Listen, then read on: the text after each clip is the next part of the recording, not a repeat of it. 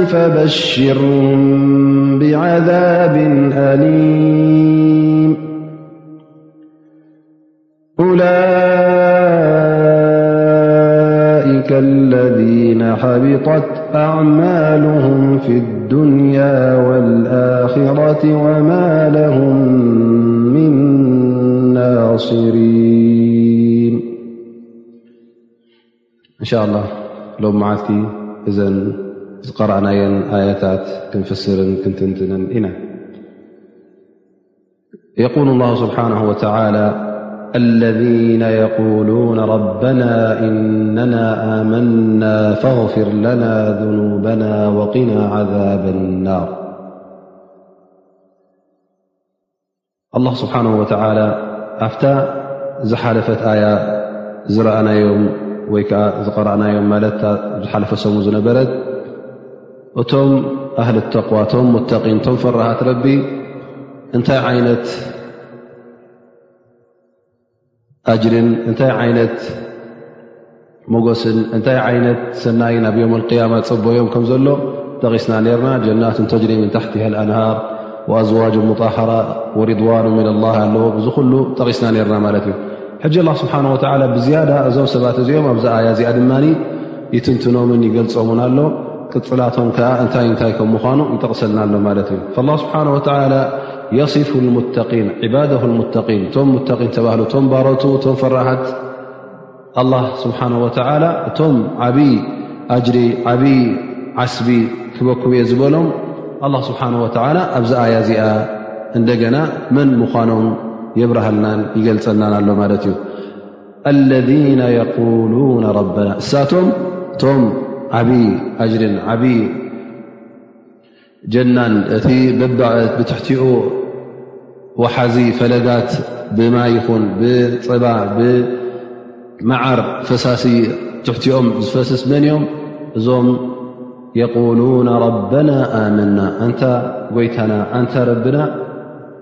ኣመና ኣሚና ኢና ብምንታይ ብኣኻ ኣሚና ኢና ሓደ ምዃንካ ኣሚና ጎይታና ምዃንካ ኣሚና ኣምልኾት እውን ብጀካ ንዓኻ ንኻልእ ከም ዘይወሃቡን ኣሚና ኢና ቀጢልና በቲ ዝሓብካና ትእዛዛት እውን ክንግስግስ ኢና ይብሉ ማለት እዩ ኣመና ቢካ ብኣኻ ኣሚና ከምኡውን በቲ ዘውረድካዮ ክታብ ቁርን እውን ኣሚንና በቶም ዝለኣኽካልና ልኡኻት እውን ኣሚንና ዝበሉ እዞም ሰባት እዚኦም እዮም እቶም ኣላ ስብሓን ወተዓላ ዓብዪ ዓስቢ ንኽህቦም ኣብ ዮም ኣልቅያማ ቃል ኣትሎም ዘሎ ኣመንና ኢሎም ጥራይ ኣኮኑ እውን ዘው ዝብሉ ፈፊር ለና ኑበና ንሕና እውን ብኣኻ ስለ ዝኣመና ኣንታ ጎይታና ኣንታ ረብና ዘንብና ኩሉ ጌጋታትና ኩሉ ኣበሳና ኩሉ ሰርዘልና ኩሉ ዝገበርናዮ ጌጋታት መሓረና ወغፍራን ኑብ ዕለማ ኣብሉ መቕፊራ ክበሃል ከሎ ኣላ ስብሓን ወተላ በቲ እቲ ዘንብኻ ይሓፅበልካ ከምኡውን እቲ ዝገበርካዮ ዘንቢ ሸለል ይብሎ ማለት እዩ ስለዚ ዝኾነ ዝገበርካዮ ጌጋ ዝገበርካዮ ወንጀል እንተ ኣሎ ኮይኑ ኣላ ስብሓን ወተላ ነዚ ወንጀላት እዚ በቲ ዘለካ ኢማን ፈቕፊር ለና እዞም ሙእምኒን እንታይ እዮም ዝብሉ ዘሎ በቲ ስለ ዝኣመንና በቲ ኢማንና ጌርካ እንታ ጎይታና ብሓቂ ኢማን ስለ ዘለና ብኣኻስ እቲ ዘንብና ሕፀበልና ስለዚ እቲ ኢማን ሰበብ ናይ ምንታይ ኮይኑ ማለት እዩ ሕጂ ናይ መቕፊራ ፈغፊር ለና ብኢማንና በቲ ዝኣመና በቲ ዝሃብካና ሸርዒ ስለ ዝኸድና በቲ ዝሃብካና ክታብ ን ስለዝኣመና ብኣኻ ውን ስለ ዝኣመና ኣንታ ጎይታና እቲ ጌጋታትና እቲ ጉድለት ንፍፅሞ ዘለና ኣብቲ ዒባዳና ኮይኑ ኣብቲ ኣካይዳና ኮይኑ ኣንታ ጎይታ መሓረናን በቲ ርህራሃኻ ውን ዓብልለና ይብሉ ማለት እዩ እዚ ጥራይ እውን ኣይኮነን ወቂና ዓዛብ ናር ኣብ ዮም ኣልቅያማ እውን ካፍቲ እሳት ካፍቲ ስቓይ እሳት ካብኡ እውን ኣናግፈና ካብኡ ኣድሐነና መከላኸሊ እውን ግበረልና እሞ ነጅየና ማለት እዩ ወቂና ዓዛብ ናር እንደገና ኣላ ስብሓን ወተዓላ ነዞም ሰባት እዚኦም እውን መን ምዃኖም እንታይ ተግባራቶም ከመይ እዮም እንደገና ኣላ ስብሓን ወተዓላ የብርሃልና ኣሎ ማለት እዩ መን እዮም እዚኦም ከም ዝብሉ እውን እንታይ ዓይነት ሰባት እዮም የቁል ላ ስብሓን ወተዓላ እሳቶም ኣሳቢሪን ወሳድቂን ወልቃኒቲን ወልሙንፍቂን ወልሙስተፊሪን ብልኣስሓር ኣሳቢሪን ትዕግስተኛታት ሰብሪ ዝገበሩ ሰባት ኣብ ምንታይ እዮም ሰብሪ ገይሮም ነቲ ኣላ ስብሓን ወተዓላ ዝኣዘዞም ዝበርውር ዝበሎም ነዚ ተግባራት እዚ ብትዕግስቲ ይገብርዎ ከቢዱና ኣይብሉ በዚሑና ከይበሉ ነቲ ኣላ ስብሓን ወተዓላ ዝኣዘዞም ኣብ ክታቡ ይኹን ኣብ ሱና ነቢ ሙሓመድ ለ ላ ሰለም ዝኣዘዞም ኩሉ እሽ ኢሎም ተቐቢሎም ነዚ ኩሉ ኣላ ስብሓን ወተዓላ ዝኣዘዞም ድማ ብትዕግስቲ ሕራይ እናበሉ ኣብ መዓላ ኣብ ግብሪ የውዕልዎ ማለት እዩ ከምኡ ውን ካብቲ ኣላ ስብሓን ወተዓላ ዝኸልከሎም ኣሎ ኣብዚ ኣዱንያ ብዙሕ ነገራት ወዲ ሰብ ዊንታ ውን ደስታ ዘለዎ ነገራት ንኽገብሮ ደስ ዝብሎ ኣሎ ግን ኣላ ስብሓን ወተዓላ ስለ ዝኸልከሎ ነፍሱ እናደለየት ተኸላ ስምዒቱ እናደለየ ከሎ እቲ ኣላ ስብሓን ወተዓላ ዝፈጥሮ ባ ኣብቲ ባህርያቱ ከም ወዲ ሰብ መጠን ብዙሕ ነገራት ኣብዚ ኣዱንያ ክድሰተሉን ክምሰጠሉ ዝደልዮ ነገራት ብዙሕ ኣሎ ግን ኣላ ስብሓን ወተላ እዚ ሓራም እዩ እዚ ጌጋ እዩ ስለ ዝበሎ በዚ ትእዛዝ ኣላ ስብሓን ወተላ እውን ተቐይዱ ምእዙዝ ኮይኑ እሞ ኩሉ ግዜ እውን ምእዙዛት ኮይና ካብቲ ዝኸልካልካና ተኸልኪልና ንክነብር እውን ኣብዚ መንገድና እዚ ትዕግስቲ ሃበና ማለት እዩ እሶም ሕጂ ትዕግስቲ ገብሩ ማለት እዩ ኣብቲ እከይ ንኸይወጥኩ ሳልሳይ ዓይነት ትዕግስቲ እውን ኣላ ስብሓን ወተላ እንተ ገለ መዓት ገለ ሽግር ገለ ሙሲባ እንተ ኣውሪድሎም እውን ነዚ ነገር እዚ እውን ብትዕግስቲ ይገጥምዎ ማለት እዩ ስለዚ ኣብ ኩሉ እንትንኦም ትዕግስተኛታት እዮም ኣሳቢሪን ኣብ ሓደ ዓይነት ኣይኮነ ትዕግስቲ ኣላ ስብሓን ወተላ እዞም ሰባት እዚኦም ትዕግስተኛታት ኢሉ ስለ ቕፅል ዝሃቦም ስለዚ ኣብ ኩሉ እንትንኦም ትዕግስተኛታት ይኾኑ ማለት እዩ ወሳዲቂን ከምኡ ውን እቲ ኢማኖም ኣብቲ ኢማኖም ሓቀኛታት ኢማን ናይ ብሓቂ ኢማን ዘለዎም ኣሚና እናበሉ ብኣፎም ብግብሮም ካልእ ዘይፍፅሙ እንታይ ደኣ ሳዲቂና ፊ ኢማንህም በቲ ኣላ ስብሓን ወተዓላ ዝኣዘዞም ቀጥ ኢሎም ዝእዘዙ ኣላ ስብሓን ወተላ ዘውረደሎም ክታብ ቀጥ ኢሎም ዝሕዙ ኣሚነ እ ክትብል ከለኻ ብኣላ ስብሓን ወላ ብነቢ በቲ ዘወረዶ ክታብ ኣሚነ እ ክትብል ከለኻ ብሓቂ እቲ ትብሎ ዘለኻ ብመልሓስካ ኣብ ግብሪ ክትሪዮ ከለኻ ሓቀኛ ማለት እዩ እምበር ብኣፍካ ኣሚነ የ ናይ ዝበልካ እሞ ተግባርካ ኩሉ ኣንፃርቲ ቃልካ ክኸውን ከሎ ሓቀኛ ይኮንካን ማለት እዩ እንታይ ደኣ ትሕሱ ኣለኻ ስለዚ እቲ ሙእሚን ብሓቂ ኣላ ስብሓን ወላ ፅባሕ ንግሆ ዓብይ ዓስቢ ዓብይ ኣጅሪ ገይሩሉ ዘሎ መን እዩ ቶም ብሓቂ ኢማን ዘለዎም ናይ ኣፍ ኢማን ጥራይ ዘይኮነስ እንታይ ደኣ ናይ ልቢ ኢማንን እዚ ኢማን ድማ ኣብ ግብሪ ዝረአ ብግብሮም ዘይሕስዎ ንመልሓሶም ማለት እዩ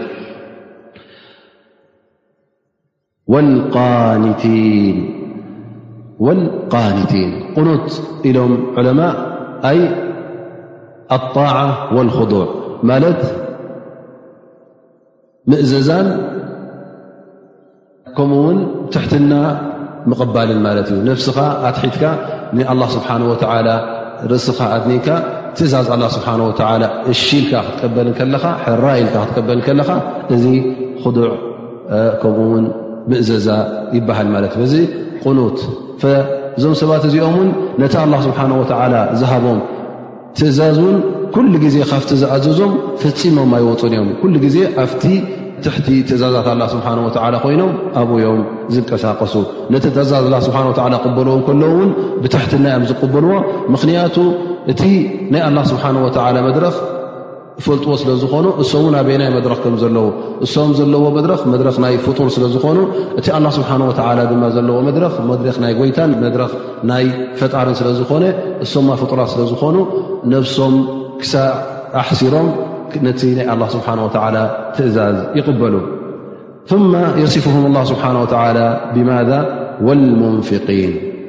ከምኡ ውን ገንዘብ ዘውፅኡ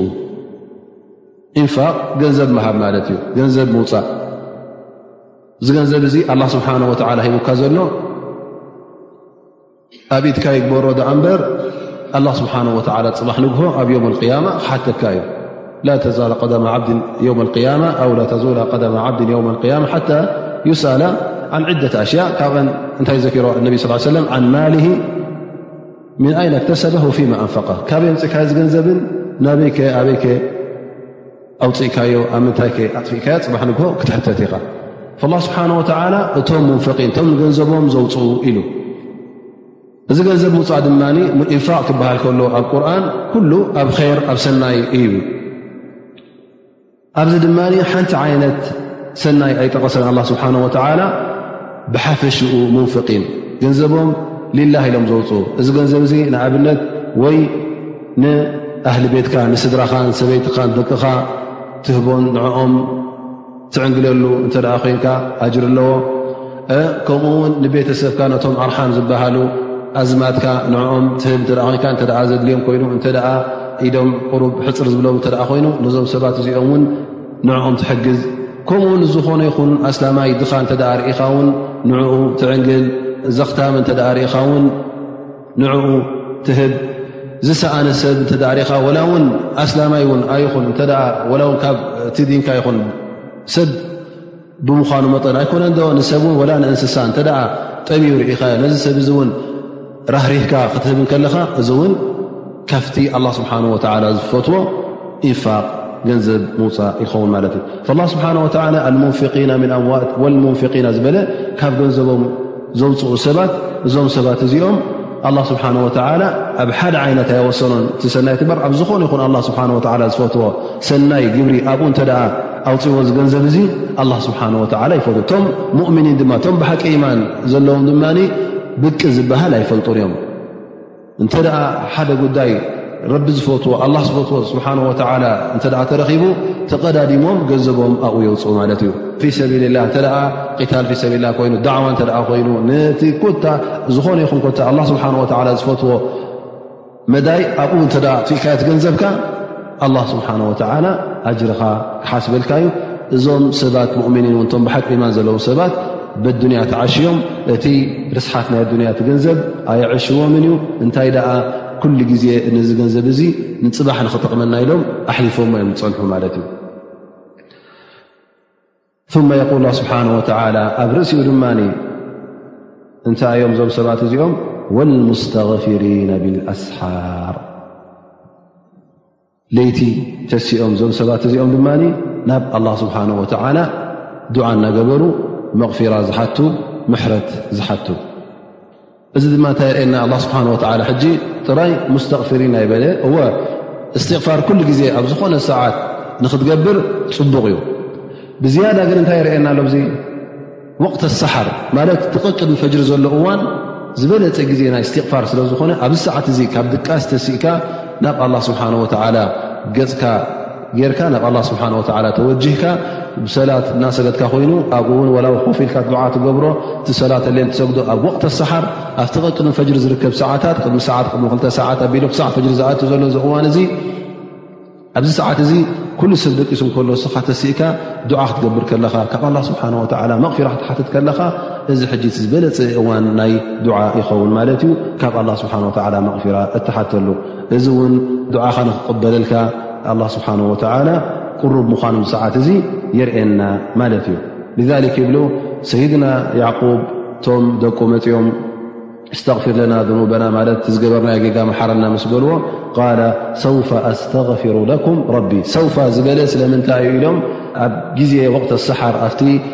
ለይቲ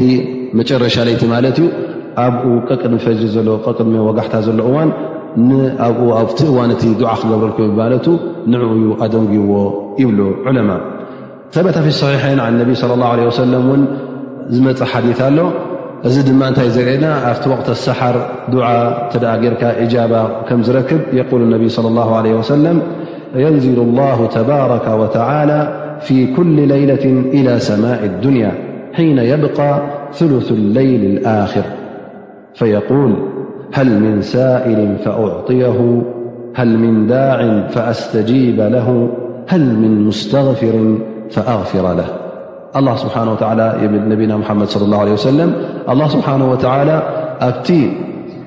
መጨረሻ ለይቲ ኣብቲ ሳልሳይ ክፋል ናይ ለይቲ ማለት እዩ ለይቲ እተ ብ ሰለስተ መቒልናያ እታ ናይ መጨረሻ ሳልሰይቲ ኣፍ ዘላ ወይ ሳልሰይቲ ሲሶ ዘላ ማለት እዩ ካብ ለይቲ ኣብዛ እዋን እዚኣ ኣላ ስብሓን ወተላ ኣብታ ዝቐረበት ሰማይ ኣታብ መሬት ዝቐረበት ሰማይ ወሪዱ እንታይ ይገብር ናብ ባሮቱ ዘረባ የመሓላልፍ ማለት እዩ ሃል ምን ሳኢልን ፈኣዕጥያሁ ዝሓትት ኣሎዶ ኣነ ድማ ብግደይ ክህቦ ሃል ምን ዳዕን ፈኣስተጂበ ላ ዱዓ ዝገብር ከሎዶ ድዓኡ ክቕበለሉን ድዓኡ ክህቦን ሃል ምን ሙስተግፍርን ፈኣግፊረ ላ ምሕረት ዝሓትት ከ ኣሎዶ ምሕረት ከውርደሉ ኢሉ ኣላ ስብሓን ወተዓላ ንባሮቱ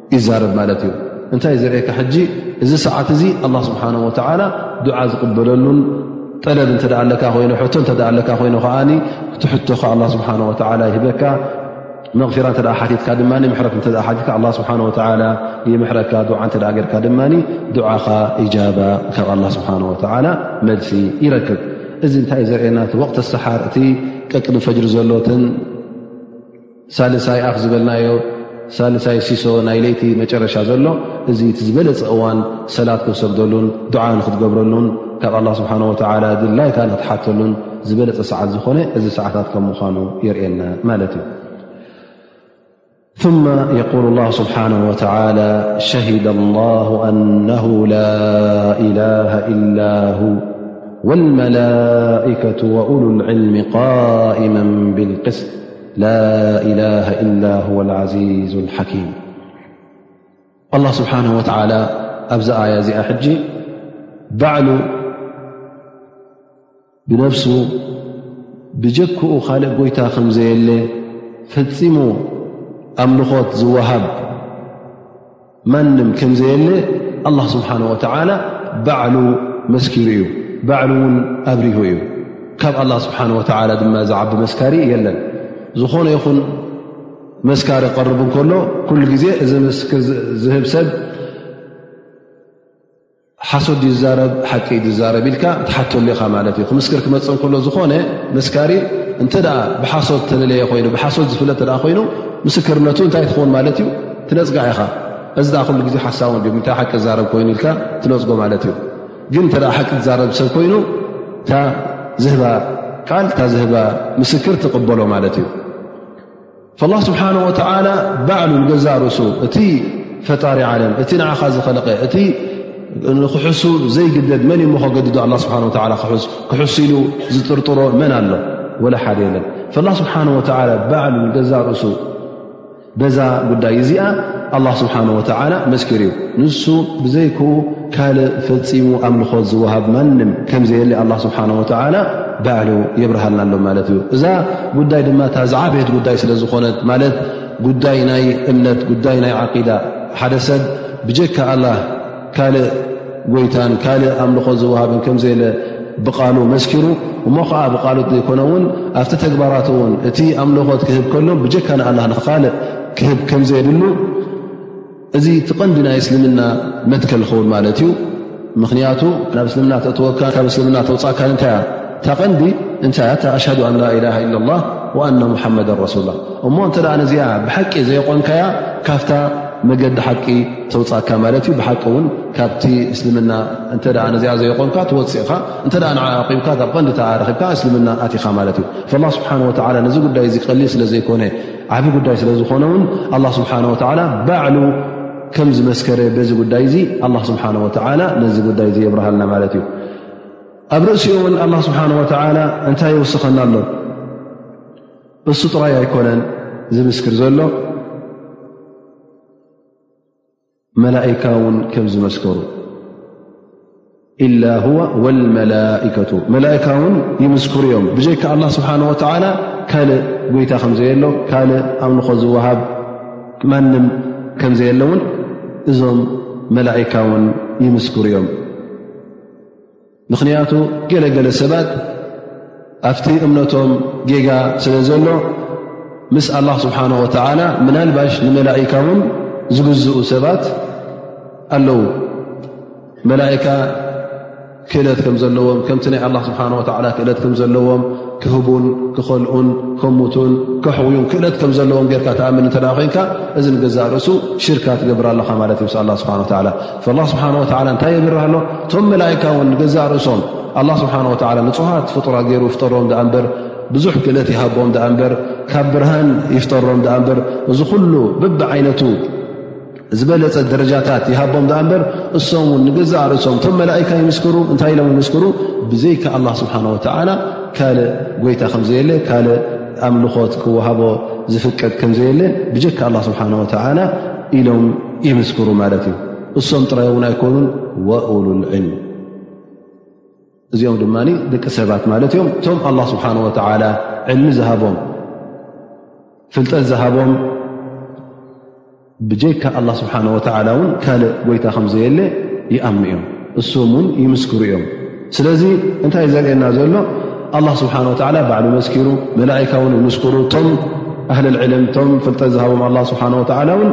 ይምስክሩ ብጀካ ኣላ ስብሓን ወተላ ካልእ ጎይታ ከም ዘየለ እዚ ጎይታ እዚ ድማ ከምቲ ኣላ ስብሓን ወተላ ባዕሉ ዝገለፆ ቃኢመ ብልቅስት ኩሉ ግዜ ኣላ ስብሓን ወተላ ኩሉ ጉዳያቱ ብፍትሒ እዩ ዝካየድ ኣልቅስት ማና ዓድል ዓድል ዋ ብፍትሒ ማለት እዩ ላ ስብሓን ወላ ኩሉ ነገራት ዝገብሮ ነገራት ፍትሐኛ ዝኾነ ተግባር እዩ ዳኣ እምበር ካብ ፍትሒ ዝወፅ ኣይኮነን ዓመፅ ዝሓዘ ኣይኮነን ትእዛዝ ክእዝዝ እንከሎ ፍትሓዊ ትእዛዝ ዝእዝዝ እተ ኣነ የ ጎይታኹም ኣነ የ ኣምልኾ ዝግብኣኒ እተ ኢሉና እውን ኣላ ስብሓን ወላ እዚ እቲ ፍትሐዊ ጉዳይ ማለት እዩ እተ ነዚ ነገር እዚ ካብ ኣላ ስብሓን ወተዓላ መንዚዕካ ንካል ባርያ እንተ ከተመሓላልፉ ኮንካ እንታይ ትገብር ኣለኻ ማለት እዩ ዓመፅ ትፍፅም ኣለኻ ማለት እዩ ፍትሓዊ ተግባር ትገብር የለኻ ላ ስብሓን ወተላ ወ ቃእም ብልቅስት ወየሽሃዱ ኣነ ወ ላ ልዋሕድ ኣልኣሓድ ስለዚ ኣላ ስብሓን ወተዓላ ኩሉ እንትንኡ ኩሉ ቃላቱ ዘረብኡ ኩሉ ኣባና ዘመሓላለፎ ትእዛዛት ንኣባና ዘውረዶ ክታብ እቲ ኩሉ እንታይ ዝሓዘለ እዩ ኩሉ ፍትሒ ዝሓዘለ እዩ ቃኢመ ብልቅስ ላላ ላ እንደገና ኣ ስብሓ ወ ነታ ላላ ላ ውን ከረጋግፃ ማለት ብዝያዳ ኣላ ስብሓ ወላ ይጠቕሳ ኣሎ ማለት እዩ ኩሉ ግዜ እታ ላላ ላ ንዓኣ ክትረጋገፅ ኣለዋ ኩሉ ግዜ ሳውን ክትርሳዕ የብላን እዚ ጎይታ ድማ እዚ ኣላ ድማ ዓዚዝ ወሓኪም ማለት ዓዚዝ ክበሃል እንከሎ ዕዙዝ ፈፂሙ ዘይሰዓር ፈፂሙ ን ምስኡ ዝዳረግ ዘየለ ፍፁም ሓያል ዝኾነ ተሳዒሩ ዘይፈልጥን ክሰዓርን ዘይከኣል ፍፁም ሰዓሪ ድኣ እምበር ዝስዕሮ ማንም ከም ዘየለ ንሱ ከም ምዃኑ ይገልፅ ኣሎ ማለት እዩ ኣልሓኪም ማለት ኩሉ ግዜ ኣላ ስብሓን ወተላ ኣብ ቃላቱ ይኹን ኣብ ተግባራቱ ይኹን ኣብቲ ናባና ዘውርዶ ሸርዒ ይኹን ከምኡውን ኣብቲ ዘውርዶ ቀደር ማለት ፅሑፍቶ ከዓ ኣላ ስብሓን ወተላ ኣብዚ ጉዳያት እዚ ኩሉ እንታይ እዩ ሓኪም ሓኪም ማለት ከዓ ጥበበኛ ማለት እዩ ማለት ኩሉ ነናቱ ዘቦ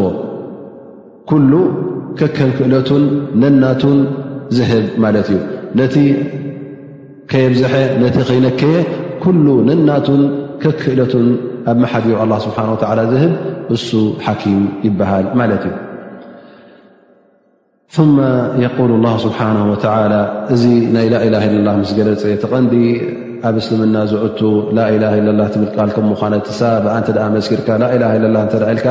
ነዚ ጉዳይ እዚ ተኣማሚንካሉ እዚ ትቐንዲ ናብ እስልምና ዝእቱ ከም ምዃኑ ገሊፁ ትቐንዲ ቅድሚ ሕጂ እውን ዝነበረ ኣንብያ ኩሎም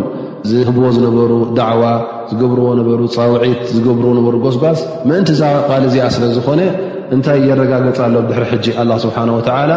እቲ ሓቀኛ ዲን እቲ ሓቀኛ ሃይማኖት እንታይ ምዃኑ ኣየናይ ከም ምዃኑ ኣላ ስብሓን ወተዓላ የረጋግፅ ኣሎ ማለት እዩ የቁል ላ ስብሓን ወተላ እነ ዲና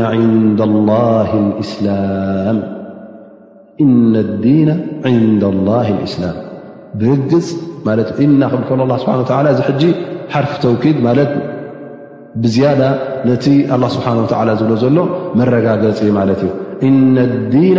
ዕንዳ ላ እስላም ላ ስብሓን ወተዓላ እንታይ ይብል ኣሎ ቅቡል ዝኾነ ሃይማኖት ኣላ ስብሓን ወተዓላ ዝቕበሎ ኣብ ቅድሚኡ ሓቀኛ ዝኾነ ሃይማኖት ኣብ ቅድሚ ኣላ ስብሓን ወተዓላ ብጀካ እስልምና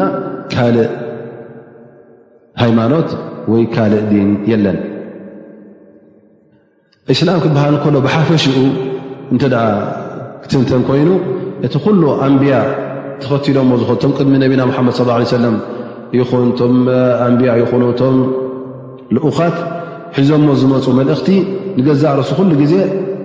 እስልምና እዩ ትስመ ነይሩ ማለት እዩ ምኽንያቱ እስላም እንታይ ማለት እዩ እስትስላም ማለት እዩ ኢትካ ምሃብ ማለት እዩ ንኣላ ስብሓን ወተላ ኢትካ ምሃብ ማለት እዩ ኩሉ እንትናኻ ንኣ ስብሓ ኢትካ ሂብካ ሓደ እሱር ሰብ ኢዱ ክህብ እንከሎ እንታይ ማለት እዩ ነቲ ኢዱ ዝሃቦ ሰብ ድላካ ግበረኒ ማለት እዩ ተ ቀትሎ ደልዩ ቀትሎ እዩ እተ ክምሕሮ ደልዩ ይምሕሮ ማለት እዩ ንዓ በዚ ሕለፍ ተበሎ ሰቂሉ ኸይድ ንየማን ተበሎ ንየማን ንዓ ተኣሰር ተበሎ ይእሰር ልክዕ ሕስኻ ውን እስትስላም ንኣ ስብሓ ወላ ኢትካ ክትህብ ከለካ እስትስላም ክትገብር ከለካ ንኣ ስብሓ ወላ እንታይ ማለትካ እዩ ኣንታ ጎይታይ ዝገበርካ ግበረኒ ከም ድላይካ የማን ተበልካኒ ሕራይ እሽ ናበል ክቕበል ፀጋም ተበልካኒ እሽ ናበል ክቕበል ማለት እዩ እቶም ኣንብያ ኩሎም ሒዞም ዝመፁ ነበሩ እቲ እስልምና ማለት እዩ ንኣላ ስብሓን ወተዓላ ኢትካ መሃብ በቲ ኣላ ስብሓን ወላ ዝኣዘዘካ ምእንቲ ክትከይድ እዚ መልእኽትታት እዚ ድማ እቲ ቅድሚ ሕጂ ዝነበረ መልእኽቲ ካብ ሰይድና ኣደም ጀሚሩ እቲ ሒዝዎ ዝነበረ ዲን እስላም ክንብሎ ንኽእል ክሳዕ ነቢና ሙሓመድ ኣክረ ኣንብያ ወልሙርሰሊን ብነቢና ሙሓመድ ለ ላ ሰለም ተፈፀመ መጨረሻ ነቢ ዝመፅ ድማ ነቢና ሙሓመድ ለ ላ ለ ወሰለም እዩ እቲ ሒዝዎ ዝመፀ ዲን ድማ ነቲ ኩሉ ቅድሚኡ ዝነበረ ሃይማኖት ነቲ ቅድሚኡ ዝነበረ ኩሉ ዲን እንታይ ገይርዎ ማለት እዩ ንኩሉ ሰሪዙ እታ ዲን ኣልእስላም እታ ሕጂ ሒዝናያ ዘለና ዲን እሳ እታ ቅንዕቲ ሃይማኖት ኮይና ንዓኣ ቀጥ ኣቢልካ መሓዝ እሳ ያታ እስልምና ትበሃል ሕጂ እስልምና ዝበሃል ኣየናይ ጥራይ ይኸውን ማለት እዩ እቲ ነቢና ሒዝዎ ዝመፀ ነቢና ሙሓመድ ለ ላ ለ ወሰለም ምናልባሽ ትብል እባ እንታይ ደኣ እሞ ሰይድና ዒሳስ ነቢ እንዲ ነይሩ ከምኡ ውን ሙሳ ነቢ እንዲ ነይሩ እሞ እቶም ኣይሁዳውያን ሒዞሞ ዘለዉን እቶም ክርስትያን ሒዞሞ ዘለዉ ኣንቢያ ስለ ዝኾኑ ቅኑዕ ክኸውን ይኽእል እዩ ሕና እቶም ቀዳሞት ኣንቢያ ሲ ኣብ ቅኑዕ መንገዲ እንዲኦም ንብር እንዶ ይብልናን ሕጂ ክትብል ከለኻ እወትኦም ኣንቢያ ነይሮም ብኦም እውን ክንኣምን ኣለና እብለካ ግን ነቢና ሙሓመድ صለ ላه ሰለም ብምፁ እቲ ናይ መጨረሻ መልእኽቲ ሒዙ ስለ ዝመፀ እቲ ናይ መጨረሻ መልእኽቲ ድማ ነቲ ቅድሚኡ ዝነበረ መልእኽታት ስለ ዝሰረዞን ነቲ ክቕፅል ዝኽእል ኣብዚ ግዜና ኣላ ስብሓን ወተዓላ ኣብቲ ክታብ ቁርን ኣእትዎ እዩ እቲ ብድሕሪ ሕጂ እውን ኣብ ግብሪ ክኣቱ ዘይብሉ ነገራት ድማ ኣላ ስብሓን ወተዓላ ሰሪዝዎ ሕጂ እታ ናይ መጨረሻ መልእኽቲ እታ ናይ መጨረሻ ትእዛዝ መፅያ ዘላ ንኹሉ እቲ ቅድሚኡ ዝሓለፈ ትእዛዛት ዓብሊላን እቲ ዝስረዝ ሰሪዛን እዛ ዲን ኣልእስላም ስለ ዝኾነት እታ ናይ እስልምና ሃይማኖት ስለ ዝኾነት እሳ ቕንዕቲ ኮይና ትርከብ ሊዛሊክ ኣላ ስብሓን ወተዓላ የቁሉ ፊ ኣየት እኽራ ወመን የብተቂ ገይረ ልእስላም ዲናን ፈለን ይቕበለ ምን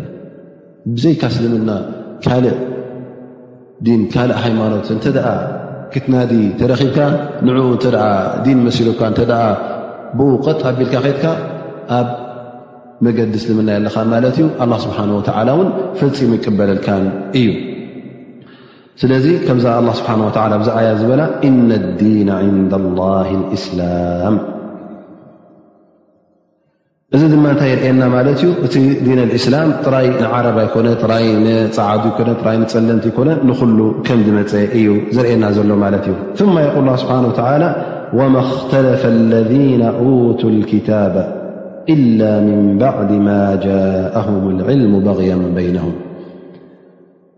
ሕጂ እንታይ ዘተኣሳስሮ ዘሎ ኣላ ስብሓን ወተላ እቲ ዲን ቀንዲ ዲን ናይ እስልምና ከም ምኳኑ ገሊፁ እቶም ቅድሚ እስልምና ዝነበሩ እቶም ኣላ ስብሓን ወተላ ክታብቲ ዘውረደሎም እቶም ኣንብያ ዝለኣኸሎም እዞም ሰባት እዚኦም እንታይ እዮም ገይሮም እዞም ሰባት እዚኦም ኣላ ስብሓን ወተላ ዲን ሂብዎም እንከሎ ክታብ ኣውሪድሎም እንከሎ ዕልሚ ተዋሂቦም እከሎ ፍልጠት ተባሂቦም ከሎ እቲ መገዲ ሓቂ ኣላ ስብሓን ወላ ኣብርህሎም እንከሎ እዞም ሰባት እዚኦም ግን ቀጥ ኢሎም ኣብ ክንዲ በታ ሓንቲ ኣላ ስብሓን ወላ ዝኣዘዞም መንገዲ በቲ ኣላ ስብሓ ወላ ዝሰራዓሎም መንገዲ ኣብ ክንዲ ብኣ ቀጥ ኢሎም ዝኸዱ እዞም ሰባት እዚኦም ነንሕድሕዶም ክባልዑን ነንሕድሕዶም ክናቆቱን ነንሕዶም ክበኣሱን ተረእዮም ማለት እዩ እዚ ማካበይ ተበገሰ እዩ በቕየም በይኖም ነንሕዶም ክዕምፁ ስለ ዝደለዩ ሓሰድ ስለ ዝገበሩ እሞ ኣነ ሓቂ ዘለኹ ኣነ ሓቂ ዘለኹ እሞ እቲ ድማ ምእንቲ ነቲ ሓደ ከይክተል እታ ዝበልክዋ ቃል ጥራይ ትኽድ ኣነ ርያተይ ርእቶ ጥራይ ይኹን እናበለ ነቲ ካልእ ወላ ብ ሓቂ እንከሎ እናፈለጠ እንከሎ ኣነስ ደድሕሪ ዝዶ ክኸይደ ደድሕሪ ዚ ትማለ ተወልዶ ቆልዓዶ ክኸይደ ወይ ከዓ ወዲ ክስቶ ደድሕሪ ዶ ክኸይደ ኣነ ወዲ እገለ ወዲ ገለ እንከለኹ ኢልካ ካብ ትዕቢትን ካብ ሓሰድን ነቒሎም ነቲ ሓቂ ነጺጎም ነናቶም መንገዲ ገይሮም ኣብ መንጎኦም ፍልልይ ተረኺቡ ማለት እዩ ወማ ክተለፈ ለذነ ኡቱ ክታባ ምና ልየሁድ ወነሳራ ማለት ቶም ኣይሁዳውያን ይኹኑቶም ክርስትያን ኣብ መንጎኦም ተረኽበ ፍልልያት ኩሉ ካብ ሓቂ ወሪድዎም እከሎ እቲ ኣላ ስብሓን ክታብ ሂዎም ከሎ እቲ ኩሉ ሓቂ ብኢዶም እንከሎ ግን ኣብ መንጎኦም ሓሳዳ ስለ ተረኸበ እንታይ ተረኺቡ ግርጭትን ፍልልይን ተረኺቡ ማለት እዩ እሞ ኸዓ ካብ ምንታይ ዝተላዕለ እዚ መገዲ ሓቂ ደልዮም ኣይኮኑ ተፈላለዮም እንታይ ደኣ ኩሉ ግዜ ካብ ሓሰድ ዝተበገሰ ካብ ዓመፅ ዝተበገሰ ንሕዶም ክዕምፁ ስለ ዝደለዩ ካብቲ መገዲ ሓቂ ወፅኦም ማለት እዩ ማ የቁል ስብሓ ወመን የክፍር ብኣያት ላህ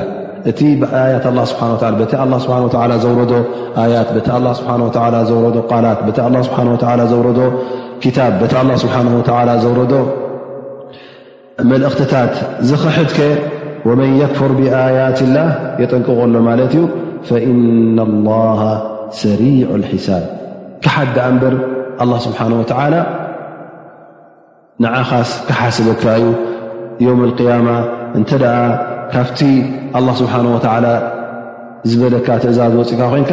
ፅባሕ ንግሆ ሒዙ ንዓኻ ኣብ ሕሳብ ክቐፅዓካ እዩ እቲ ዝገበርካዮ ጌጋ እውን ክንደይ ከም ምኑ እንታይ ከም ምዃኑ እውን ከፍልጠካ እዩ ማለት እዩ ላ ስብሓን ወተላ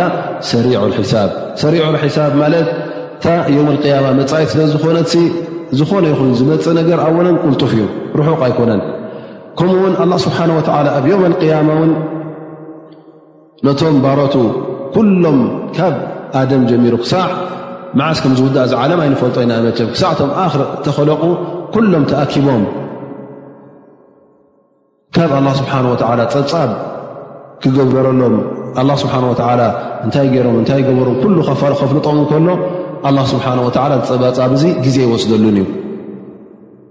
ወላ እውን ንኩላህና በብሓደ የሕተተና እንታይ ገርና እታይ ከምዝገበርና እንታይ ከይገበርና እዚ ኩሉ ፀብፃብ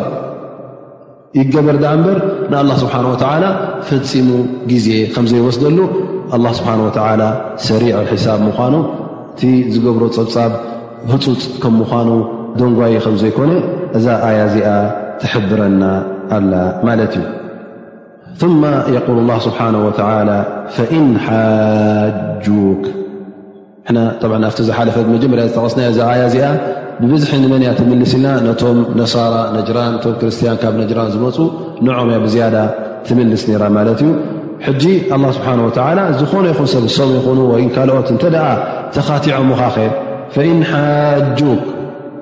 ንኣብነት ይብሉ ከ ኣነ ንሕና ገለገለ ሰባት ን ትብሎም ሙሳ ብዲኑ ሳ ብዲኑ ዝብሉ ከሎ ወይ ከዓ ኩላና ነናትና ዲና ኣለና ነናትና ሃይማኖት ኣለና ንና ውን ካብ ኣላ ስብሓ ዝወረደ ሃይማኖት ሒዝናና ከድ ዘለና ማለት ክርስትያን ኮይኖም ቶም ኣይሁዳውያን ኮይኖም ምናልባሽ ይካትዑካ ኮኑ እቲ ናና ይቲ ቕኑዕ ሃይማኖት ናና ዩ ሙሳ ነቢና ናና ዩ ወይከዓ ሳ ዩ ወሳ ኢና ንኣምን ተበሉካ ብከምዚ ዓይነት እዚ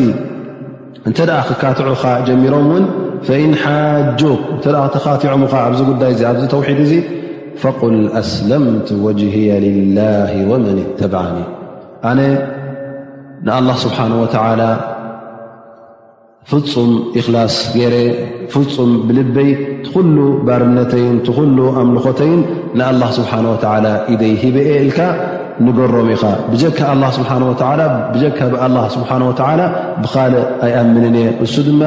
ሽርካ የብሉ መፋርቕቲ የብሉ ከምኡ ውን መዳርግቲ የብሉ ወላድ የብሉ ኣይወልድ ኣይውለድ ሰበይቲ የብሉ ኢልካ ነዞም ሰባት እዚኦም ንፀጎም ኢኻ እቲ ክትዖም በዚ ጌርካ በድሃዮ ኢኻ ፈቁል ኣስለምቱ ወጅህየ ሊላህ ኣነ ጥራይ እውን ኣይኮንኩ ወመን ተበዓን ኩሉ ንዓይ እውን ዝኽተል ልክዕ ከምዚ ናተይ ኢማን ዘለዎ እዩ ነዚ ናተይ ኢማን ወይ ከዓ ነዚ ናተይ ዲን ነዚ ናተይ ሃይማኖት ዝኽትል እውን እዛ ኣነ ዝበልክዋ ቃል ብኣ ዝኣመንን ንዓኣ ዘቑምን እዩ ኢልካ መልሰሎም ይብሎ ኣላ ስብሓን ወላ ልክዕ ከምቲ ኣላ ስብሓን ወላ ካልኣ ኣያ እውን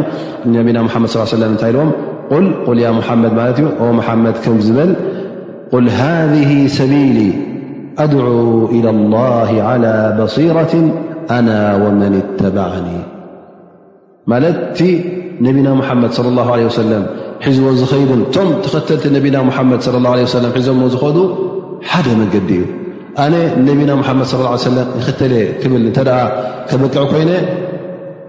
ከም ድላየ ነዚ ዲን እዚ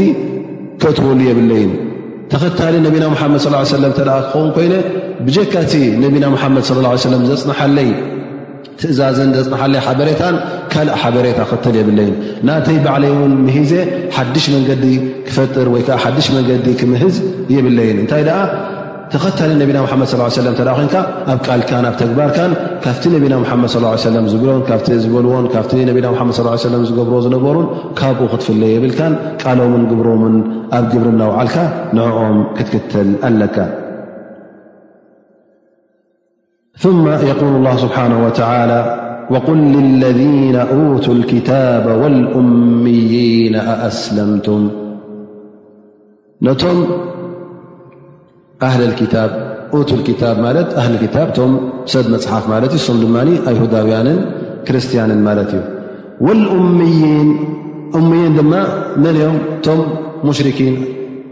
ኣብ ግዜ ነቢና ሙሓመድ ለ ላ ሰለም ዝነበሩ ምኽንያቱ እዞም ሰባት እዚኦም እቲ ሒዘሞ ዝነበሩ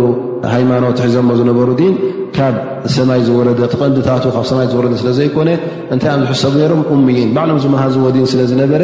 ዘይፈልጡ ደናቑር ኮይኖም ይርከቡ ማለት እዩ ፈእሙይን ማለት እቶም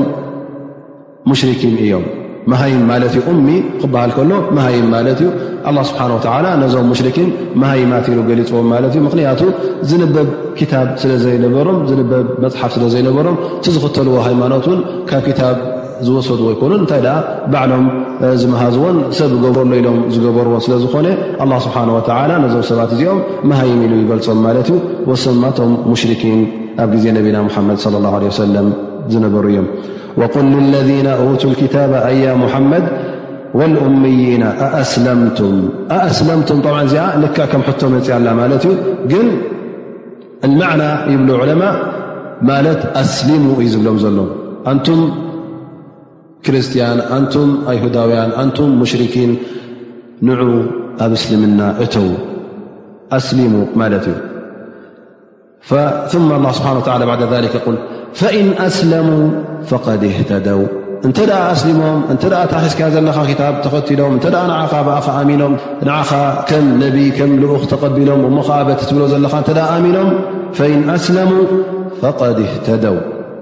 መገዲ ሓቂ ሒዞም ማለት እዩ እታ ረቢ ዝፈትዋ ሒዞም ኣለዉ ማለት እዩ ህዳያ ማለት እታ ኣላ ስብሓን ወተላ ዝበላ መገዲ ቕንዕና ንዓ ረኺቦማ እዮም ማለት እዩ ወእን ተወለው እንተ ደኣ ዝባኖም ሂቦምኻኸ እንተ ገዲፎምኻኸ ኣብዮምኻኸ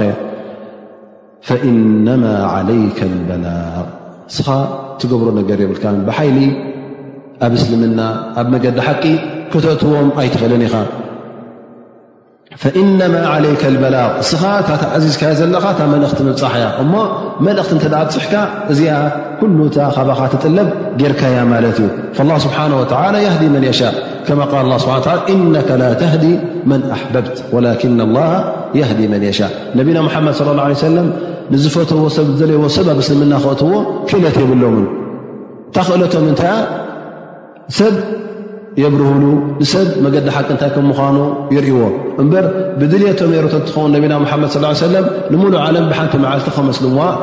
ኣይምፀልኡን ነሮም ዝዝረኽብዎ ሰብ ከመስልዎ ኣብ እስልምና ክእትዎ እውን ኣይምፀልኡን ነይሮም ምኽንያቱ ፅባሕ ንጎ ነቲ ዝኸሓደ እንታይ ስቃይ ይፅበዮ ከም ዘሎ ስለ ብርግፅ ስለ ዝፈልጡ ነቢና ሓመድ ስ ሰለም ንኩሉ ሰብ መእተውዎ ነይሮም እሶም እውን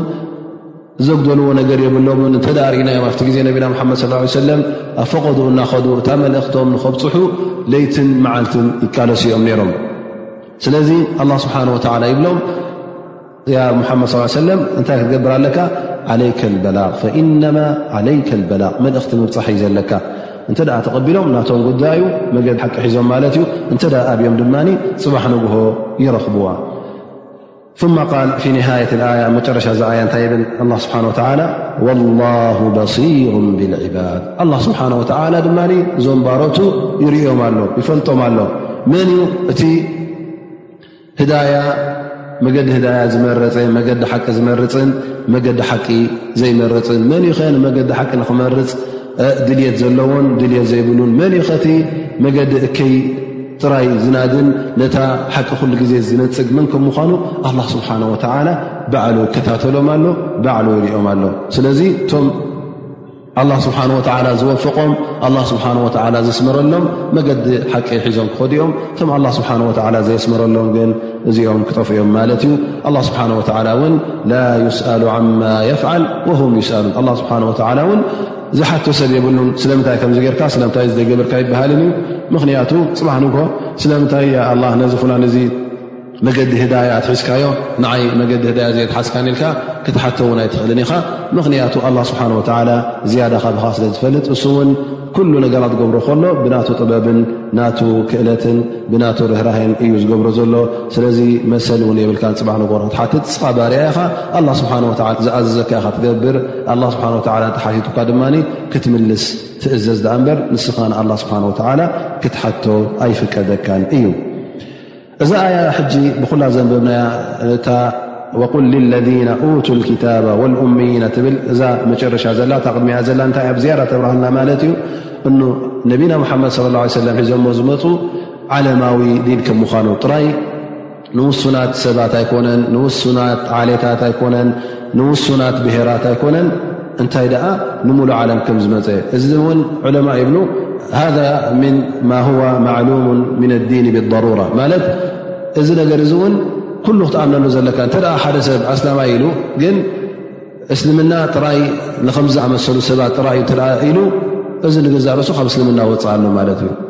እቲ ቐንዲ ኢማን ክትኣምነሉ ዘለካ እቲ ዲን ነቢና ሓመድ ስ ሰለም ሒዞሞ ዝመፁ ንሙሉእ ዓለም ከም ምኳኑ ንፃዕዳ ኣይኮነ ንፀሊም ኣይኮነ ከምቲ ዝበልናዮ ንፍሉይ ብሄር ኣይኮነ ንፍሉይ ዓሌት ንፍሉይ ቀቢላ እውን ኣይኮነን እንታይ ደኣ እዚ ዲን እዚ ንሙሉእ ዓለም እዩ መፅኡ ኣብ ካልእ ኣያታት እውን ክንዕ እተኣ ኮይና የቁል ላ ስብሓን ወተላ ቁል ያ ኣዩሃ ናሱ እኒ ረሱሉ ላ ኢለይኩም ጀሚን ኣንቱም ሰባት ኩሉ ወዲ ሰብ ዘብኡ ኣነ ናባኹም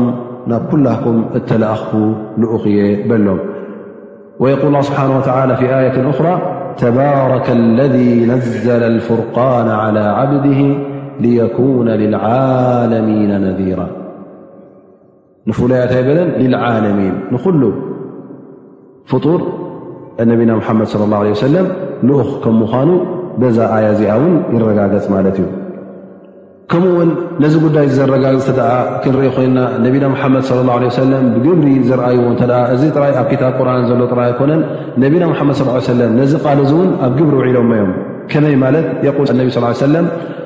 ኣብ መካ ኣብ መዲና ከለዉ ዝተፈላለዩ ነጋውስ ዓለም ኣብቲ ግዜኦም ዝነበሩ መልእኽትታት ይሰድሎም ነይሮም ማለት እዩ ዓረብ ይኹኑ ኣይኹኑ ነቶም ሮም ኣብ መስር ኣብ ግብፂ ዝነበሩ ኣብ ዓዲ ሓበሻ ዝነበሩ ኣብ ኢትዮጵያ ማለት ነቢና ሓመድ ስ ሰለም መልእኽቲ ልኢኾም ንፋርስ በዓል ኢራን ማለት እዩ ንኦም ውን መልእኽቲ ልኢኾም ሎም ነሮም ኩሎም እንታይ ኣምፅብሎም ነይሮም ን ኣብ እስልምና እተዉ ኣነ ካብ ኣላ ስብሓን ወላ ዝተላኽዮ ስለዚ ነቢና ሓመድ ስ ሰለም ዳዕዋ ክህቡ ከለዉ ውን ፈላልዮም ዳዕዋ ይብ ይነበሩን እቲ ቁርን ብዓረብኛ ይውረድ ዳኣ እምበር ንዓረብ ጥራይ ኣይኮነን እንታይ ደኣ ንሙሉእ ዓለም ይመፅኡ ብዓረብ ጀሚሩ ግን ፃዕዳን ፀሊምን ከይፈላለየ ዓረብን ዓጀምን ከይፈላለየ ዓሌታት ከይፈላለየ ብሄራት ከይፈላለየ ንኩሉ ከም ምኳኑ ነቢና ሓመድ ስ ሰለም ኣብቲ ዝልእኮ ዝነበሩ መልእኽትታት ደብዳቤታት ኣብኡ ይበርህ ማለት እዩ ወየቁል ነቢ ለ ለ ሰለም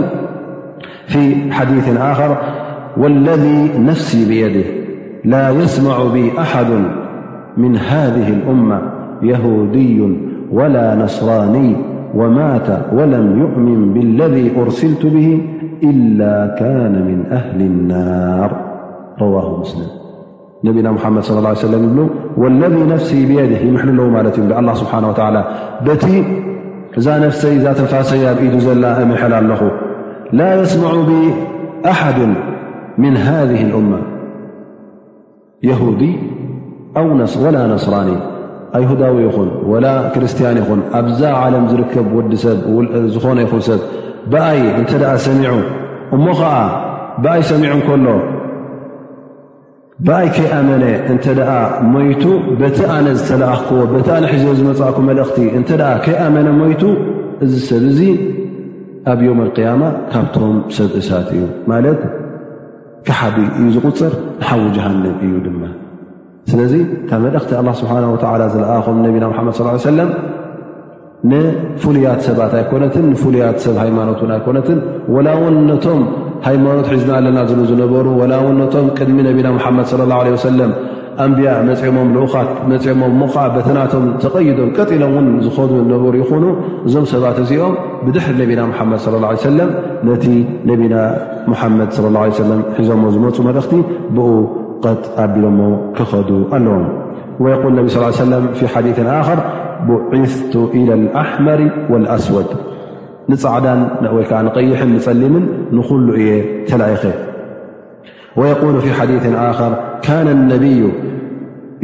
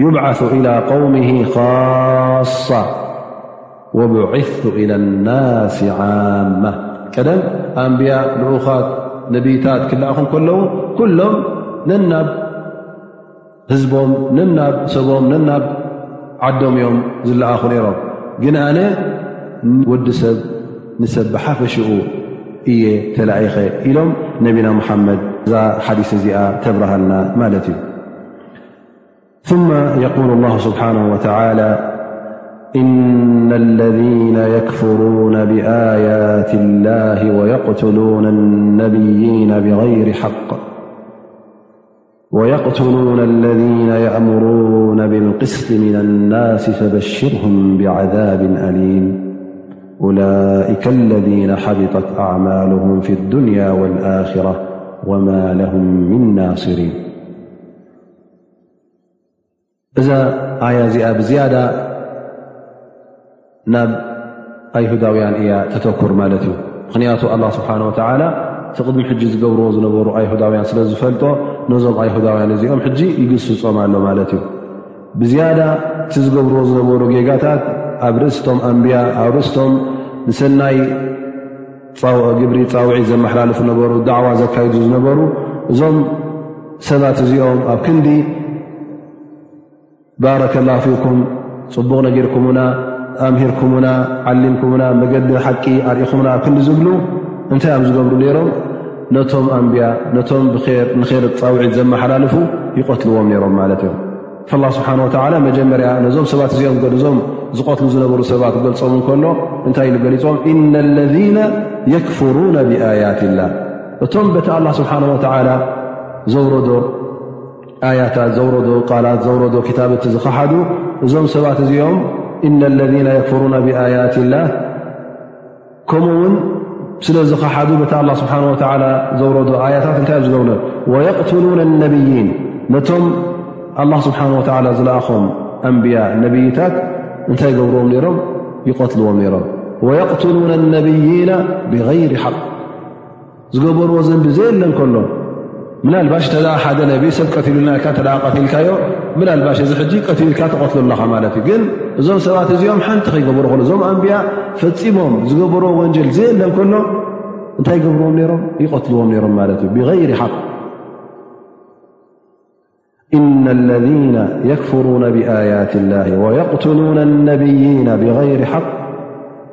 ኣب رእس نم نغف ر ويقتلون الذين يأمرون بالقسط من الناس እዚ ل ድ سلمنታይ እስትክባር ትዕቢት ስለ ዝነበሮም ነቲ ሓቂ ንኸይቀበሉ ነቲ ሓቂ ስለ ዝፀልኡ ሊኣና ነቢ ስ ሰለም ኣልክብር እንታይ ኢሉ ገሊፅዎ ኣልክብሩ በጠሩ ሓቅ ኣይ ንሓቂ ምንፃግ ማለት እዩ ሓቂ ክትነፅግ ከለኻ እዚ እቲ ትዕቢት ዝበሃል ኣልክብሩ በጠሩ ሓቅ ወቐምጡ ናስ ወይ ከዓ ንካልኦት ሰባት ኣብ ክንዲ መሰሎም ትቦም ካብቲ መሰሎም ክተጉድለሎም ከለኻ እዚ ሕጂ እዚ ዩ ትዕቢት ኣነ ቲ ዝሓሽኩን ኣነ ቲ ዝበለፅኩን ኢልካ ትርኢ ኣለኻ ማለት እዩ ሓደ ሰብ ናብ ሓቂ ክመርሓካ ከሎ መገዲ ሓቂ ከርእካ ሎ ነዚ ሓቂ ክትነፅግ ከለኻ ካብ ምንታይ ተበጊዝካ ክትነፅጎ ዘለኻ ካባይ ዶ ፈሊጡ ዩ ኢልካ ማለት እዩ ሓቂ እናፈለጥካ ላ እናፈለጥካ ከለኻ ኣብ ክንዲ ነዚ ዝኽተል ሰኣነ ሞት ሕሸኒ ኢልካ ሕጂ ክትነፅጎም ከለኻ እዚ ዩ ትዕቢድ ዝበሃል ፈዞም ኣይሁዳውያን እዚ ኩሉ ዝገብርዎ ዝነበሩ ስለምንታይ እዩ ነቶም ኣንብያ ቀትሉ ወይ ከዓ ነቶም ተኸተልቲ ኣንብያ ኩሉ ግዜ ወለذና የእምሩና ብልቅስጢ ምና ናስ ማለት እቶም ኣምር ብልማዕሩፍ ወናሃ ዓንሙከር ዝገብሩ ነበሩ ልክዕ ነቲ ናይ ኣንብያ መገዲ ተኸቲሎም ኣንብያ እውን ኣይኹኑ ድኣ እምበር ግን ዳዕዋን ፃውዒትን ናብ መገዲ ሓቂ ንዑ ተመለሱ እናበሉ ዳዕዋ ዝገብሩ ዝነበሩ ዑለማ ንዕኦም እውን ይቐትልዎም ነይሮም ማለት እዩ እዚ መቕተሊኦም እንታይ ዩ ኩሉ ግዜ ዒናድ ወይ ከዓ ተከቡር ካብ ትዕቢት ተበገሰ ማለት እዩ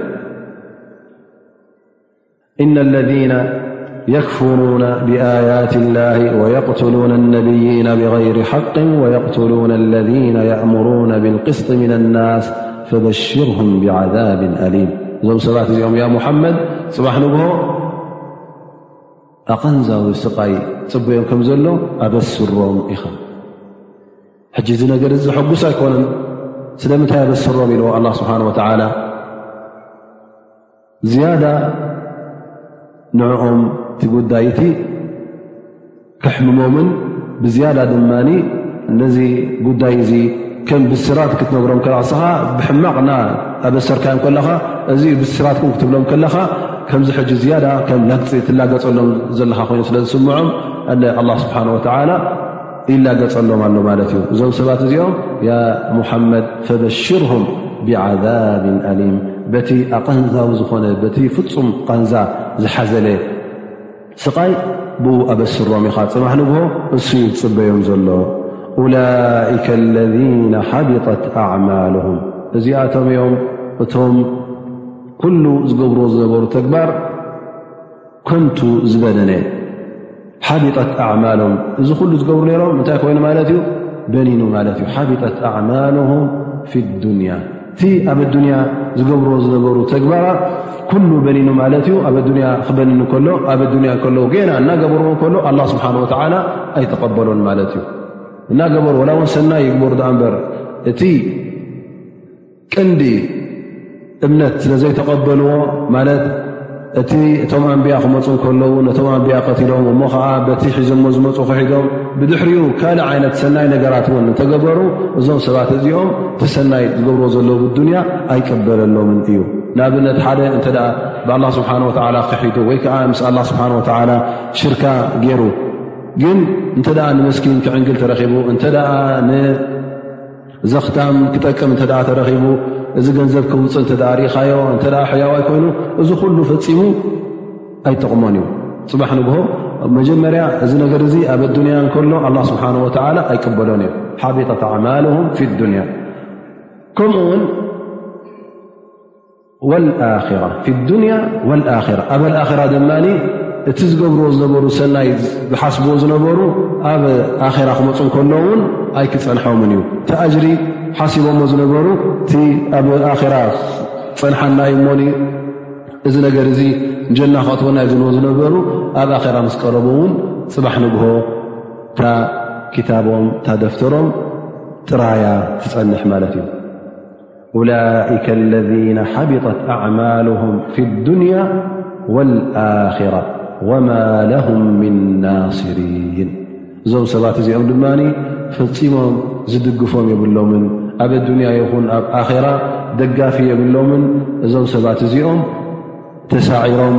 ክሳረኛታት ኮይኖም ክተርፉ እዮም እቲ ዓወትን እቲ ደገፍን እቲ ሰናይን ንመን እዩ ነቶም ብሓቂ ኣላ ስብሓን ወተላ ኣሚኖም ብልቦም ኣሚኖም ኣብ ግብሮም ውን መገዲ ሓቂ ሒዞም ዝኸዱ ዝነበሩ ንኣላ ስብሓን ወተላ ሓደ ከም ምዃኑ ብጀክኡ ካልእ ጎይታ ከምዘየለ ኣሚኖም ኣብ ግብሮም ውን እቲ ዝገብርዎ ዝነበሩ ተግባራት ን ዓመል ሳልሕ ሰናይ ተግባራት ውን ምስቲ ኢማኖም ተኣሳሰረ ክኸውን ከሎ እዞም ሰባት እዚኦም ኣብ ዮም ቅያማ ይኹን ኣብ ኣዱንያ ዕዉታት ይኾኑ እቲ ኣብ ኣዱንያ ዝገብርዎ ነበሩ ኣብ ኣዱንያ ከሎ ኣላ ስብሓን ወተዓላ ይቕበሎ ፅባሕ ንግሆ እውን እቲ ኣጅሪን እቲ ዓስቡን ተደራሪቡን ብተዓፃፂፉን ይፀንሖም ማለት እታ ሓንቲ ኣብ ዓሰርተ ካብኡ ውን ክሳዕ ሸውዓተ ሜት ዕፅፊ እውን ትበፅሓሎም ማለት እዩ በዚ ኣላ ስብሓን ወተላ ነዞም ሰባት እዚኦም ይቕበልሎም እንሻ ላ ድሕሪ ኣዛን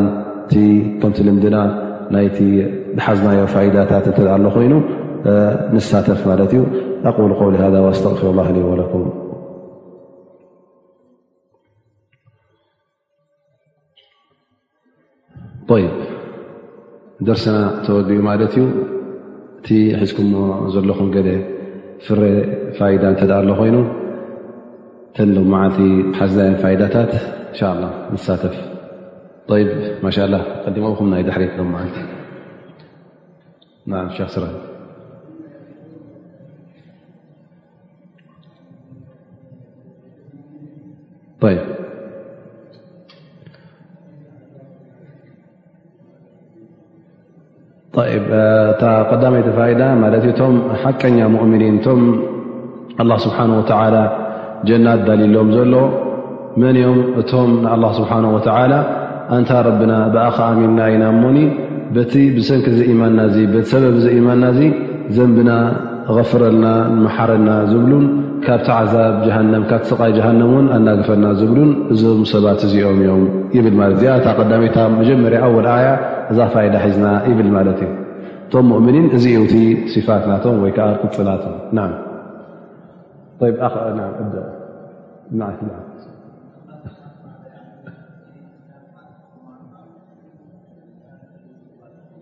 ባረከላ ፊክ ዞም መዓልትታ ዝቀንዲ ነገር ዝሓዝናዮ እውን ኣላ ስብሓን ወተላ እቲ ዲን እስላም ንሱ እቲ ቁኑዕ ዲንን ብጀክ ካልእ ዲን ተቐባልነት ከም ዘይብሉን ኣላ ስብሓ ወላ ባዕሉን መስኪሩን ገሊፁን እዩ ስለዚ ዝኾነ ይኹን ዲን ዝኾነ ይኹን ሃይማኖት ፈፂሙ ኣብ ቅድሚ ኣላ ስብሓን ወተላ ቅቡል ኣይኮነን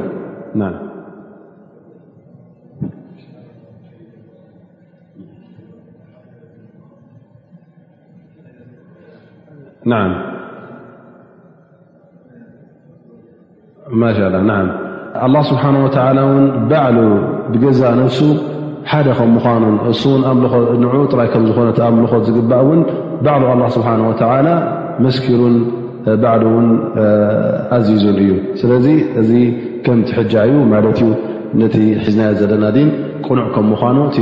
መገዲ ተውሒድ ኣላ ስብሓን ወላ ሓደ ከም ምዃኑ እማንን እዚኣ ዝያዳ ተረጋግፀና ይ ፈል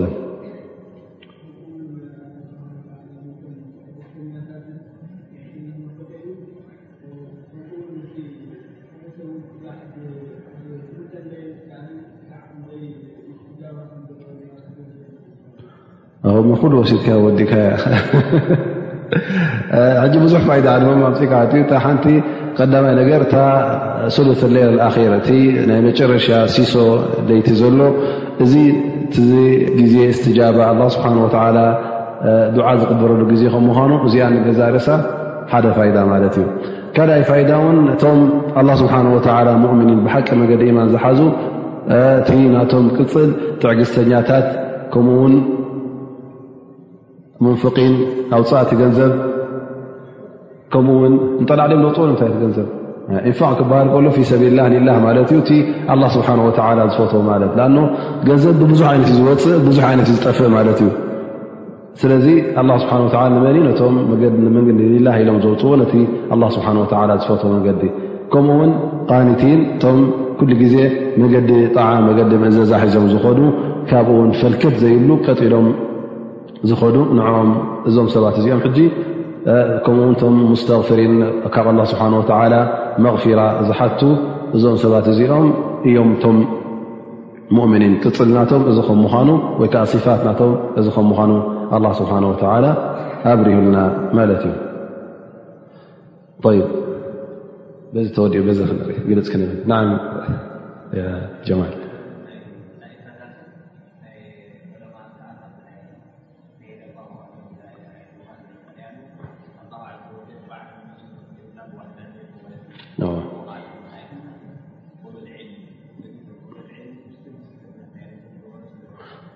ባረከላ እዚኣ ፅቡቕቲ ነጥቢ ኣምፂእካ ማለት እዩ ኣዘኪርካኒ ከማን ማለት እዩ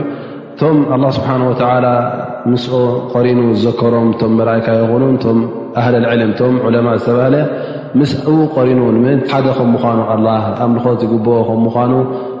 እሱ ጥራ ኣይኮነን ነቶም መላካ ውን ነቶም ኣህል ልዕልም ሰብ እዮም ከማና ግን ኣላ ስብሓን ወላ ሕጂ ምስ መን ቀሪንዎም ምስ ነፍሱን ምስቶም መላእካ ቀሪንዎም ማለት እዩ ሕጂ ምስኦም ቃሪኑ የርእየና እንታይ ማለት እዩ ሕጂ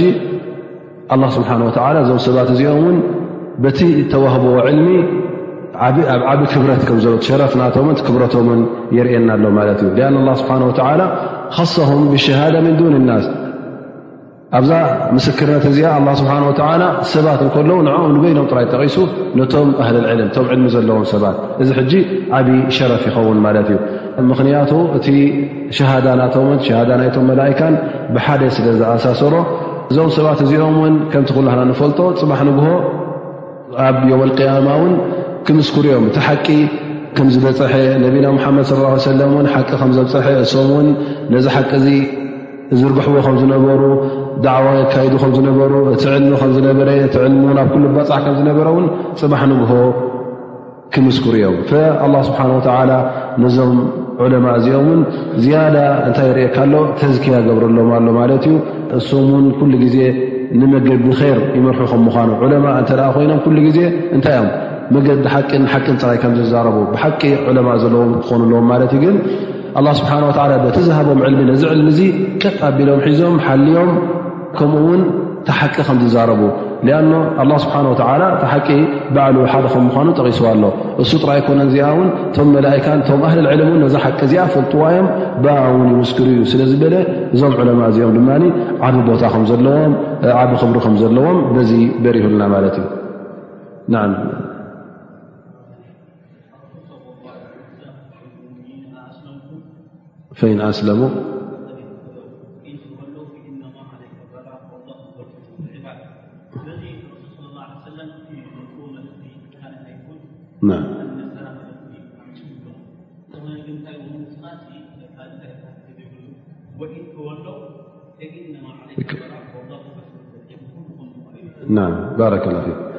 እዚኣ እታ ፋይዳ ድማ እታ መልእኽቲ ነቢና ሓመድ صለ ه ሰለም ንኩሉ ሰብ ከም ምኳና ነስላም ጥራይ ኣይኮነትን ኣስላማይ ጥራይ ኣይኮነን በዚ ክታብ ቁርን ቀጥ ሉ ወይከዓ ዚ ክታብ ቁርን ንክኣምን ጥራይ ኣስላማይ ኣይኮነን ተኣዚዙ እንታይ ኣ ብዝኾነ ይኹን ወዲ ሰብ በዚ ክታብ ቁርን በቲ ነቢና ሓመድ صለ ه ሰለ ክኣምንን ብኡ ቀጥ በዚ ክታብ ቁርን ውን ቀጢሉ ንኸይድ ኩሎም ቶም ኣይሁዳውያን ይኹኑ ቶም ክርስትያን ይኹኑ ኩሎም እትዋት እዮም ላ ስብሓን ወ ኣብታ መጨረሻ እያ ላ በሲሮም ብልዕባድ ወ ከሎ ውን ኣልዕባድ ማለት ኩሉ ባርያ ኣላ ስብሓን ወ ማለት እዩ ወላ ውን እስኻ ሕጂ ካብቲ መገዲ ወፅእካ ንኻልእ ትገዛ ኣምልኾት ንኻልእ ሃቦ ድኣ እምበር ባርያ ኣላ ምዃንካ ይተርፈካን እዩ እሱኡ ኸሊቑካ እሱኡ ጎይታኻ እስኻ ድማ ባርኡ ኢኻ ላ ስብሓን ወላ ንኹሎም ባሮቱ ይርኦም ኣሎ ንኹሎም ባሮቱ እንታይ ይገብሩ ኣለዉ እንታይ ከይገብሩ የ ኣለዉን ኣብ ትሕትኡ ስለ ዘለዉ ይርኦም እዩ ዘሎ ላ ስብሓን ወላ ጥራይ ሙስልሚን ኣይፈለየን ጥራይ ኣይሁዳውያን ኣይፈለየን ጥራይ ዓሌት እውን ኣይፈለየን እንታይ ደኣ መልእኽቲ ነቢና ሙሓመድ ለ ላ ለ ሰለም ንኹሉ ከም ምዃና ይሕብረና ኣሎ ማለት እዩ በዛ ሎመዓልቲ ዝቐረዕናየን ኣያታት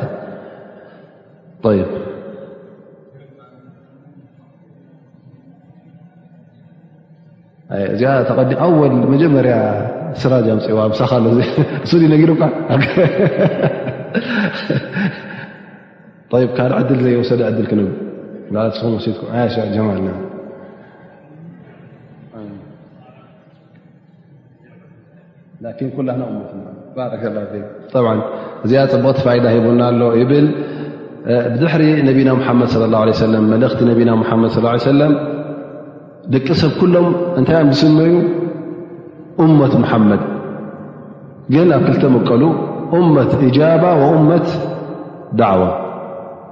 ኩሎም ኣብ ትሕቲ መልእኽቲ ናይ ነቢና ሙሓመድ ኣትዮም ማለት እ እመት ሙሓመድ ማለት ጥራይ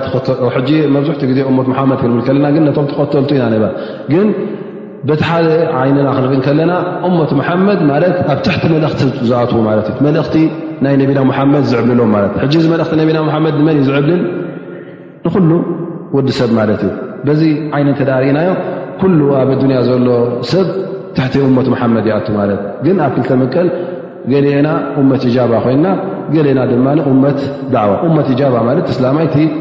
ዳዕዋ ተቀበለ ማለት እዩ እመት እጃባ ኮይኑ እቲ እመት ዳዕዋ ድማ ገና ክሳብ ሕጂ ዳዕዋ ዘድለዮ ዘሎ ንመገዲ ሓቂ ንኸርኢ ስለዚ እንታይ ድማ ዘርእና እዚ ንሕና ኣስላም ተባሂልና መገዲ ሓቂ ሒዝና ዓብ ግደ ይፅበየና ዘሎ ማለት እዩ እሱ ከዓ ዳዕዋ ክነካይድ እቲ ካብ እስልምና ወፃኢ ዘሎ ኣብ እስልምና ዘይኣተዎ ዘሎ ናብዚ እስልምና ንኸነእትዎስ ዓብዪ ጎስጓስ ዓብዪ ዳዕዋ ክንገብር ከም ዘለና የብርሃና ማለት እዩ እዚ ሕጂ ናህና ግደ ማለት እዩ እስኻ እመት እጃባ ኮንካ ተቐቢልካ ኣለኻ ነቲ ሓቂ ስለዚ ነቲ ወፃኢ ካብዚ ሓቂ ዘሎ ንኡ ዳዕዋ ጌርካ ናብ ሓቂ ንክትእትዎ ነዚ ሓቂ ንክቕበል ግዴታ ዳዕዋ ክተካይዳ ኣለካ እንተ ደኣ ተቐቢሉ ፈኢነማ ዓለይከ በላቕ ተብፅሕ ማለት እዩ ኣብ ዝባንካ ዝነበረ ትእዛዝ ኣውሪድካ ማለት እዩ እንተ ተቐቢሉ ፅቡቕ እንተ ኣብዩ ድማ ባዕሉ ፈልጥ ግን እስኻ ዋጅብካ ጌርካ ከምታ ነቢና ሓመድ ስ ሰለም ተባህልዋ ፈኢነማ ዓለይከ በላቕ እስኻ እታ መልእኽቲ ብፅሓያ እታ ደብዳቤ ኣብ ፀሓያ እሱ እታ ደብዳቤ ተቐቢሉ ክረዳ ኣንቢቡ እሺ ይበል ኣንቢቡ ክሓስብ እየ ይበል ናቱ ጉዳይ ግን እስኻ እታ መልእኽቲ ክተብፅሕ ኣለካ ማለት እዩ ን ክነድግመኩም ከለ ን ባረከላ ፊክ ሓንቲ ፋይዳ ድማ ዝሓዝና የብል ካፍር ዝኻ ሓደ ሰብ ብኣላ ስብሓን ወተላ ዘይኣምን ብነቢና ሙሓመድ ስ ላ ሰለም ዘይኣምን ወላ ዝገብር ተገብረ ሰናይ ተግባራት ገንዘብ በሽሓት ብመላይን የውፅእ ራህራህ ይኹን ሕያዋይ ሰብ ይኹን ጥዑም ሰብ ይኹን እዚ ኩሉ ዝገብሮ ፈፂሙ ብዮም ኣልቅያማ ኣይጠቕሞን እዩ እታ ዝጠቕሞ መጀመርያ ምኽንያቱ እዚ ከመይ ማለት እዩ እንተ ብቐሊ ክንሪኦ ኮይና እንተ ገለ ማይ ክትእክብ ኮንካ መዕቆሮ ክህልወካ ኣለዎ ሓቂ ማይ ይኹን ዝኾነ ይኹን ነገር ክትእክቦ እተ ኮንካ መዕቆሮ ክህልወካ ኣለዎ እንተ መዕቆሩ ዘይብልካ ክፈስስ እዩ ማለት እዩ ስለዚ እታ መዕቆሪት እንታያ እታ እስልምና እታ ሸሃደት ኣላ ኢላ ኣለላ እሳ እንተ ዘየላ ወላ ማይ ሃካ ኣብዚሑ ይሃብካ ላ ውን ፈፂምካ መዕቆሪ ስለ ዘይብልካ ኣብ ምንታይ ተቐምጦ ኢኻ ስለዚ ክፈስስ እዩ ማለት እዩ እዚ ሰብ እዚ ድማ እቲ ዝገብሮ ዘሎ ሰናይ ተግባር መዕቆሪ ስለ ዘይገበረሉ ክፈስስ ማለት እዩ ክበንን እዩ ስለዚ ዝገበረ እንተገበረ ኣይጠቕሞን እዩ ይኸትሉ ከም ዝነበሩ ባረከ ካብቲ ሎም መዓልቲ ዝሓዝና ፋይዳ ድማ ኣይሁዳውያን ነቶም ኣንብያ ነቶም መገዲ ሓቂ ዝሕብሩ ዝነበሩ ሰባት ነቶም ዑለማ ይቐትሉ ከም ዝነበሩ ሎም መዓልቲ እዛ ፋይዳ እዚኣ ሒዝና ኣለና ክነድግመኩም ያላ ድገም እያ ፅኮኢና ዓድል ክንቦም ኢልና ንዕዑ ጀመል ክንዲ ዓመት ክወስድ እዩ ባረከ ላ ና እወ መዓስ ክመፅኦም ኣያማ ወይ ኣበይ ዘሎ ዮም ኣያማ ኢልካ ከይትዕሾ ማለት እዩ ክንደይ ኣሽሓት ዓመታት ገይሩሉ ክንደይ መላይን ዝገበረ ሰብ ብድሕሪ ሕሪ እውን ክንደይ መላይን ኮይኑ ኢልካ ከይትዕሾ መገዲ ከይትስሕት ፈላ ስብሓን ወተዓላ ሰሪዑ ሕሳብ እዩ እቲ ፀብፃብ ናቱ ሕሳብ ናቱ ቁልጡፍ ህፁፅ እዩ ሰውኣን እዛ ዮም ኣያማ እንታይ ኣለዋ ዮም ያማ ይን ዝኾነ ይኹን ወዲ ሰብ መዓስ እያ ናት ዮም ያማ እተ ሞይቱ ዮም ያማ ኣትዩ ማለት እዩ ምክንያቱ ዝገብሮ ነገር የብሉን ካባ ሓሊፉ ዝገብሮ የብሉን ከ ሱሳ ዓመት ሰ ዓመት ዓመት ኣብዛ ድንያ ዝነብረ ስለዚ ኣኪልዎ ማለት እዩ ሽዑኡ ክትስእ ከሎ ወላ ሓንቲ መዓልቲ ክተ መዓልቲ ዝገበረ ኮይኑ እዩ ዝስምዖ ማለት እዩ ሰዓት ክልተ ሰዓት ዝገበረ ኮይኑ እዩስምዖ ዮም ያማ ማለት እዩ ስለዚ ኣላ ስብሓን ወላ ኣበይ ከይራኸበልና ወይ ከዓ ብዙሓት ኢና